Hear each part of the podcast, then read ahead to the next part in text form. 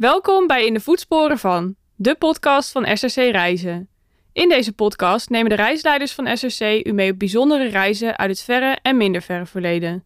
Luister mee en maak vanuit huis of onderweg kennis met beroemde reizigers en hun onvergetelijke tochten. Reisleidster Claudia neemt u mee in de geschiedenis van de Osmaanse sultans in het Topkapi-paleis in Istanbul.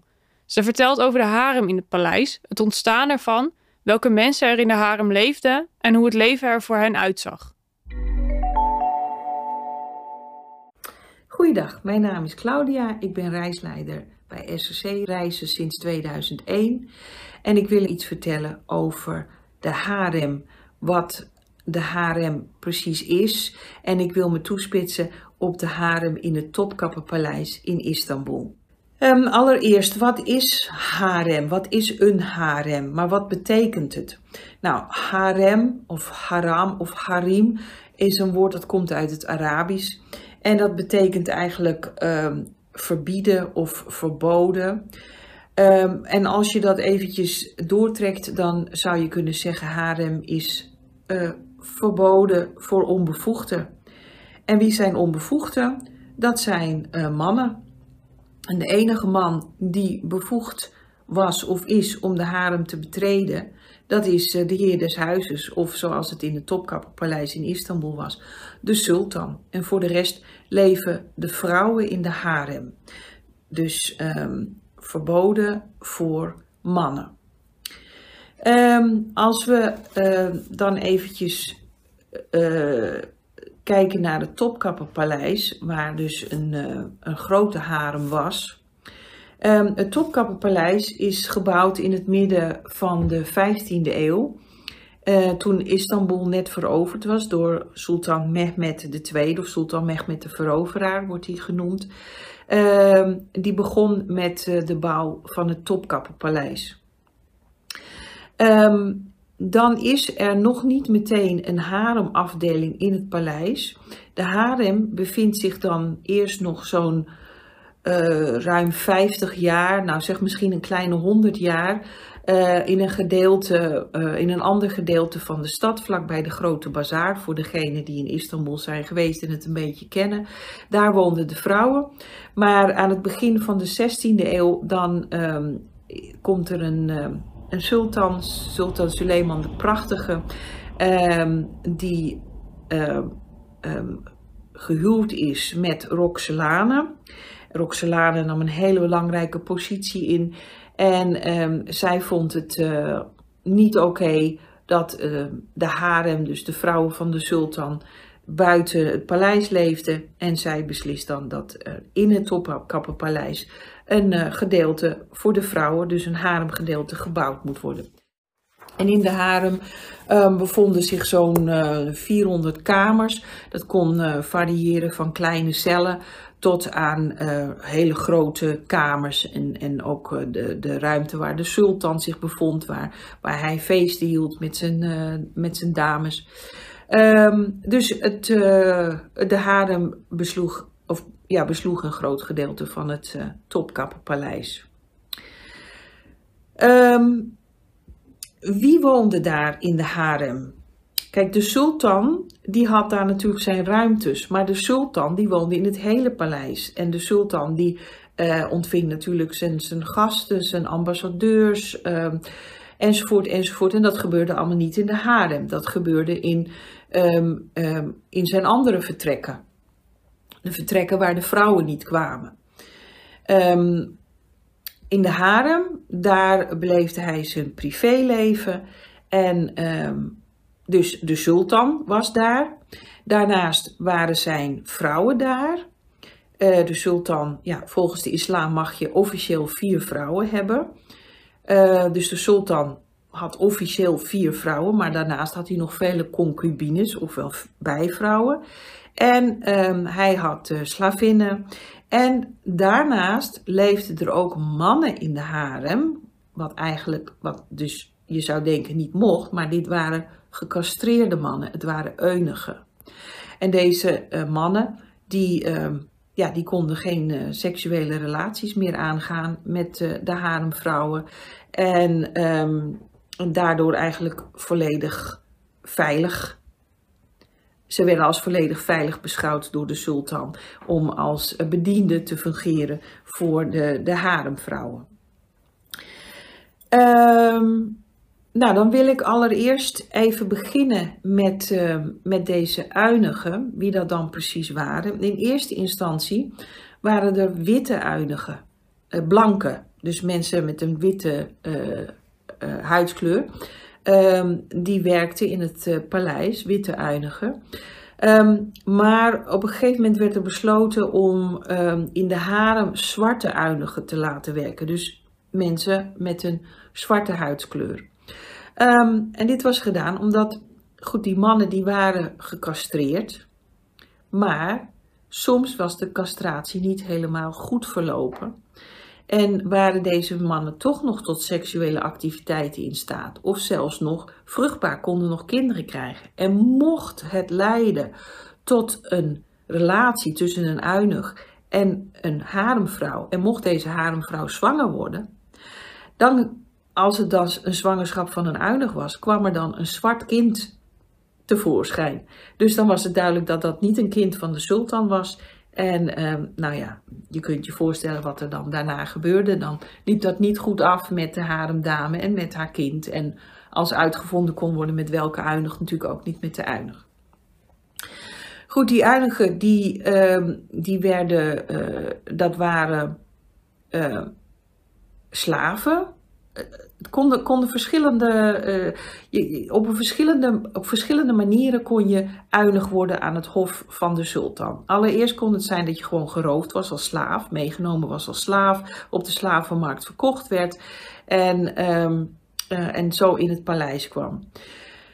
Um, maar om uinig te worden moest je dus gecastreerd zijn. Je kon, je kon, ja, en dat moest eigenlijk al gebeurde, gebeuren op weg naar de slavenmarkt toe. Dus je kunt zeggen, er was een speciale afdeling op de slavenmarkt voor, voor gecastreerde mannen.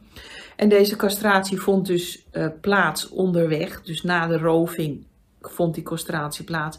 En um, dat ging natuurlijk allemaal niet uh, heel hygiënisch eraan toe. En niet uh, in een uh, chirurgische afdeling, maar dat gebeurde gewoon onderweg in een stoffige, vuile omgeving. En je kunt je voorstellen dat dus ook veel um, ja, zwarte slaven um, overleden door die castratie. En degene die het dan overleefde, nou ja, daar was dus een mogelijkheid dat die aan het hof kwamen. Maar daarnaast gebeurde het ook dat um, mensen hun uh, kind aanboden aan het hof. Hele arme mensen die um, hun kinderen niet konden onderhouden. Kijk, aan het hof, ja, je moest die castratie ondergaan, wat iets afschuwelijks was. Maar da daarna had je dan wel een leven toch in luxe en uh, in ieder geval eten en kleding en alles. Dus dat kon ook gebeuren. Um, nou, dan had je in die uinigen, die, uh, ja, dat waren de, de, de, de, degenen die alles deden uh, in het paleis. Um, die onderhielden de boel, die werkten in de keukens, in de bediening, in alles. En aan het hoofd van deze uinigen stond de opperuinig. Uh, de Kuzlar A wordt die genoemd, of Kuzlar Aze eigenlijk in, in, in, in, de juiste um, Turkse uitspraak. Kuzlar A, dus het hoofd van de meisjes zou je kunnen zeggen. Maar hij was het hoofd, het, het, opperhoofd van de uinigen. En hij had een hele grote, um, hij had grote macht binnen in, het, uh, in de harem. Hij was um, ja, een van de, van de hoogste allerho mensen met de allerhoogste positie in de harem. In de harem was een uh, soort van hiërarchie, zou je kunnen zeggen. Uh, de harem was haast als een, als een koninkrijk binnen een koninkrijk. En de, topkap, uh, de harem in het Topkappenpaleis was uh, ja, een, een paleis binnen in een paleis. Um, en aan het hoofd van, um, van dit geheel stond um, de belangrijkste vrouw in de harem. En dat was de sultan Walide, ofwel de moeder van de sultan. Zij zij was de koningin van de harem. En zij werd bijgestaan door de Kuslar A, dus door uh, die opperuinig. Uh, zij samen uh, bekokstoofden alles. Zij regelden alles. Zij besloten um, welke meisjes er naar voren geschoven moesten worden. Um, enzovoort, enzovoort. Dus um, ja, alle meisjes die in de harem waren, wilden natuurlijk uiteindelijk graag eindigen als sultan Walide, als, als, als de moeder van de sultan, om die belangrijke positie te kunnen bekleden. Uh, maar hoe kwam je in de harem? Nou, verschillende manieren. Uh, het kon zijn dat je uh, geroofd was tijdens veroveringen door, de, door de Osmanen die um, meisjes meeroofden en die meenemen, of, meenamen naar het paleis. Het kon ook zijn slavinnen die uh, op de uh, slavenmarkt gekocht werden. Maar ook, net als bij de Uinigen, kon het zo zijn dat een arm gezin zijn dochter, die dochter was bijvoorbeeld heel mooi of had iets bijzonders, dat ze die dochter aanboden aan de harem. Want men wist in de harem, um, ja oké, je zat opgesloten in de harem, maar je had wel een goed leven met eten, met, met, met behuizing, kleding enzovoort. En je moet, um, je moet je ook realiseren dat in die tijd uh, vrouwen sowieso niet uh, vrij leefden. Vrouwen leefden sowieso in de bescherming van hun huis. Dus um, deze vrouwen gingen, um, ja, die gingen naar een paleis toe. En nou, de leukste, de mooiste, de interessantste, die, die vonden een plaats binnen de harem. maar een harem kon bestaan uit honderden vrouwen. En het was echt niet zo dat de, de sultan met al die vrouwen een seksuele relatie had. Er waren een hoop vrouwen die nooit bij de sultan in de buurt kwamen.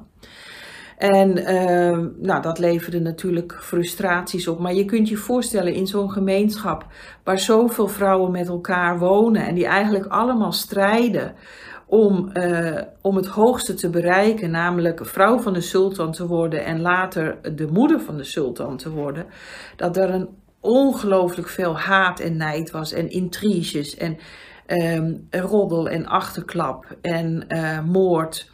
En um, ja, op die manier uh, uh, kon het leven in de harem uh, heel angstig en heel bedreigend zijn.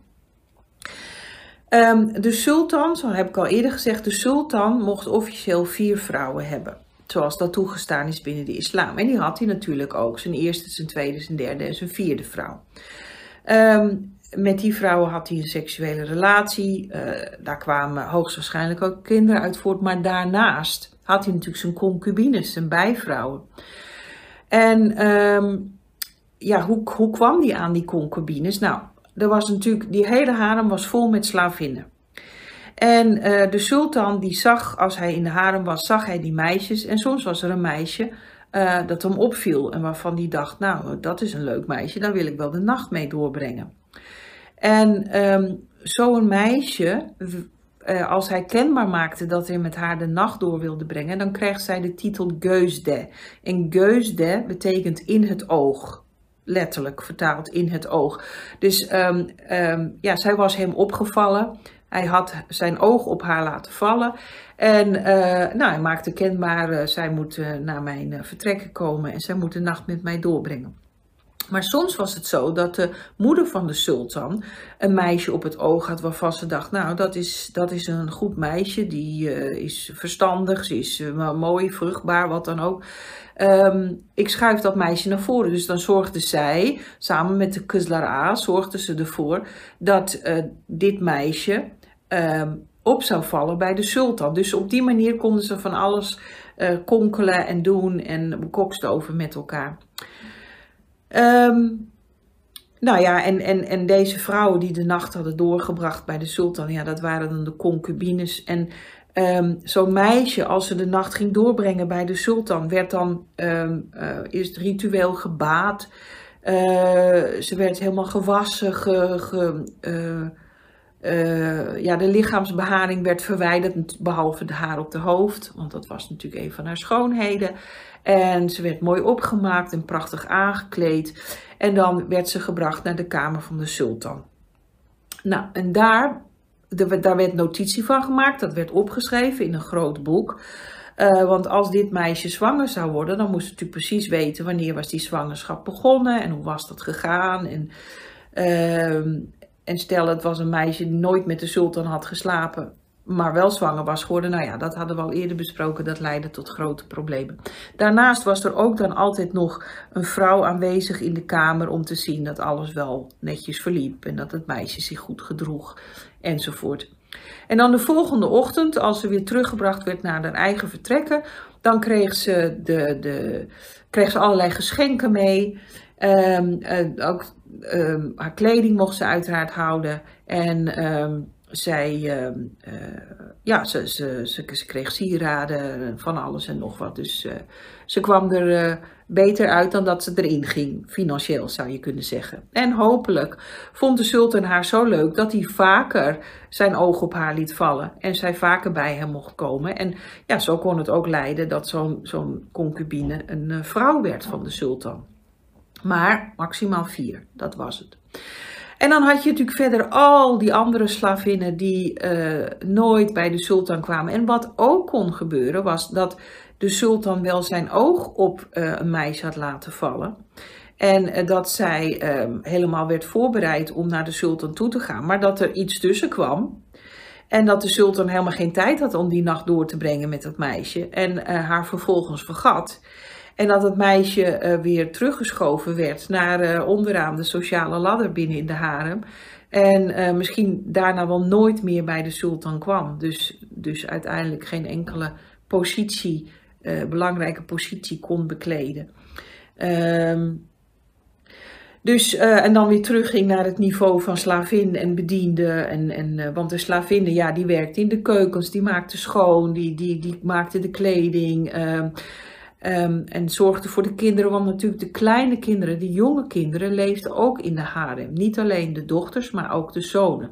Tot, uh, totdat zij een jaar of negen, tien waren, dan moesten ze de harem verlaten. Maar tot die tijd waren zij ook uh, bij hun moeders in de harem. Um, dus um, ja, een hoop gekonkel, een hoop ruzie een hoop haat en nijd, een uh, heleboel verveling. Want wat, uh, wat doe je zo'n hele dag?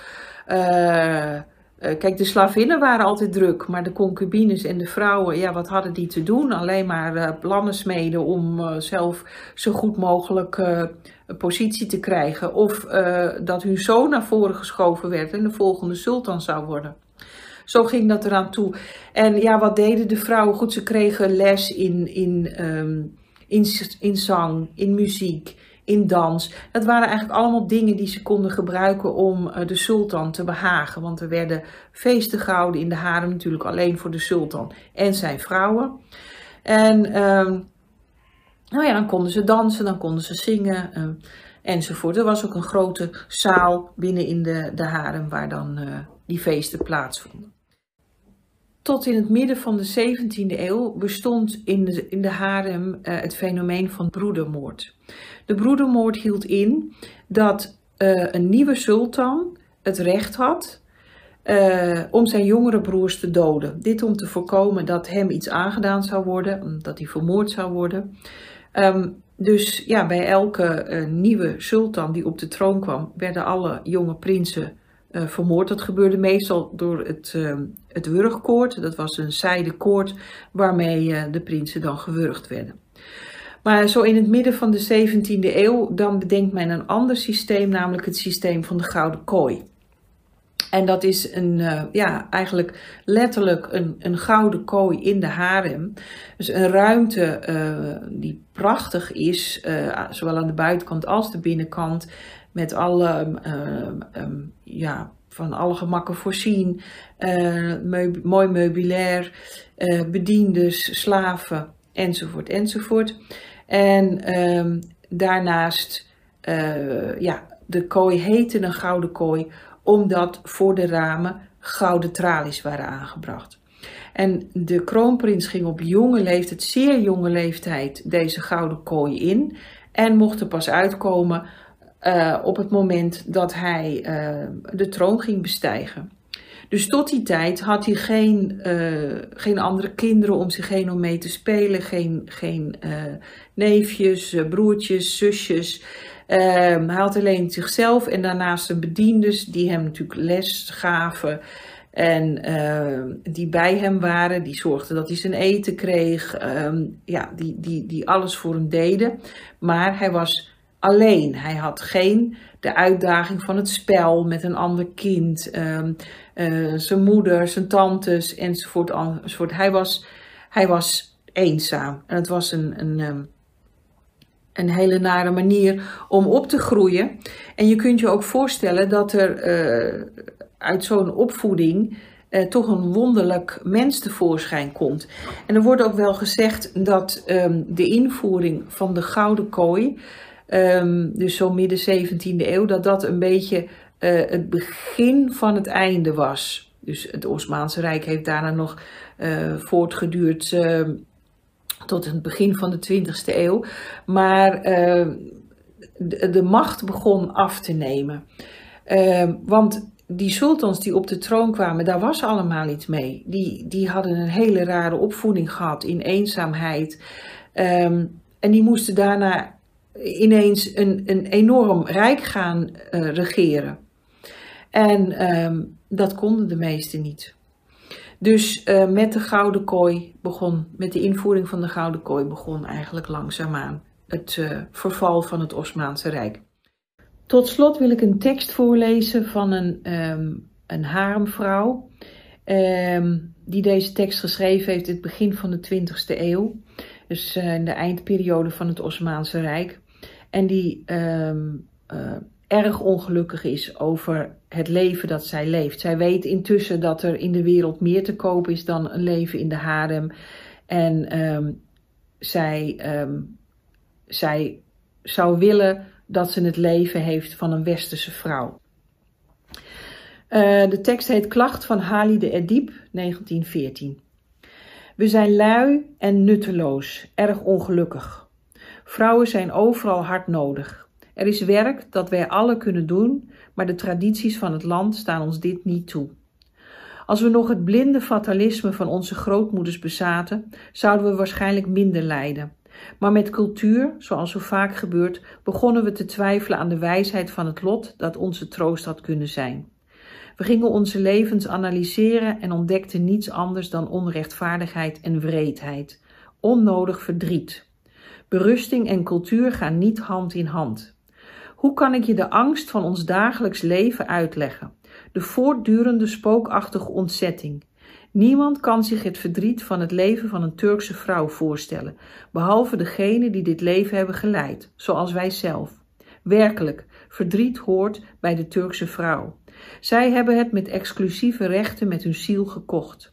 Kan de geschiedenis van een land erger zijn dan de regering waaronder wij leven? Je zult waarschijnlijk zeggen dat ik morbide ben. Misschien ben ik dat wel, maar hoe kan het ook anders als de beste jaren van mijn leven vergiftigd zijn? Je vraagt hoe wij de dag doorbrengen. Dromend hoofdzakelijk. Wat kunnen we anders doen? Het zicht op de Bosporus met zijn komende en gaande schepen is een troost voor ons gevangenen. Deze schepen zijn voor ons sprookjesachtige petermoeders die ons op een dag zullen meenemen. We weten niet waar naartoe, maar we turen door de ramen met roosters naar de prachtige Bosporus en danken God voor dit kleine plezier in het leven. In tegenstelling tot de meeste Hanemvrouwen schrijf ik. Deze correspondentie is de droomzijde van mijn bestaan en in momenten van extreme wanhoop en opstandigheid, want wij zijn altijd ongelukkig, neem ik mijn toevlucht tot deze correspondentie, geadresseerd aan niemand in het bijzonder. En terwijl ik schrijf, riskeer ik mijn leven. Maar wat kan het me schelen? Luister naar me. Hoezeer haat ik westerse educatie en cultuur? Want wat heeft het me een lijden gebracht? Waarom moest ik geboren worden in een harem en niet zo'n vrije Europese zijn over wie ik lees? Waarom zou het lot voor sommigen en niet voor anderen gekozen hebben voor dit eeuwige lijden? Soms zingen we en begeleiden we onze Oosterse muziek op de Turkse luid. Maar onze liedjes zijn altijd in mineur. Onze landschappen zijn allemaal bevlekt met verdriet en soms komen de futiliteit en het oneindige verdriet van onze levens zodanig opzetten dat het ons verstikt en de tranen laat stromen. Maar vaak is ons leven te zielverpletterend voor tranen en kan alleen de dood dit nog veranderen. Als een ware dochter van mijn ras begin ik de dag met goede voornemens. Ik zal iets doen om te laten zien dat ik op zijn minst de uren heb geteld zoals ze zichzelf voorbij slepen. Het wordt nacht. Mijn verzorgster komt om mij uit te kleden en mijn haar te vlechten. Ik tuimel op mijn divan snel in een diepe slaap, uitgeput door de inspanningen die ik helemaal niet verricht heb.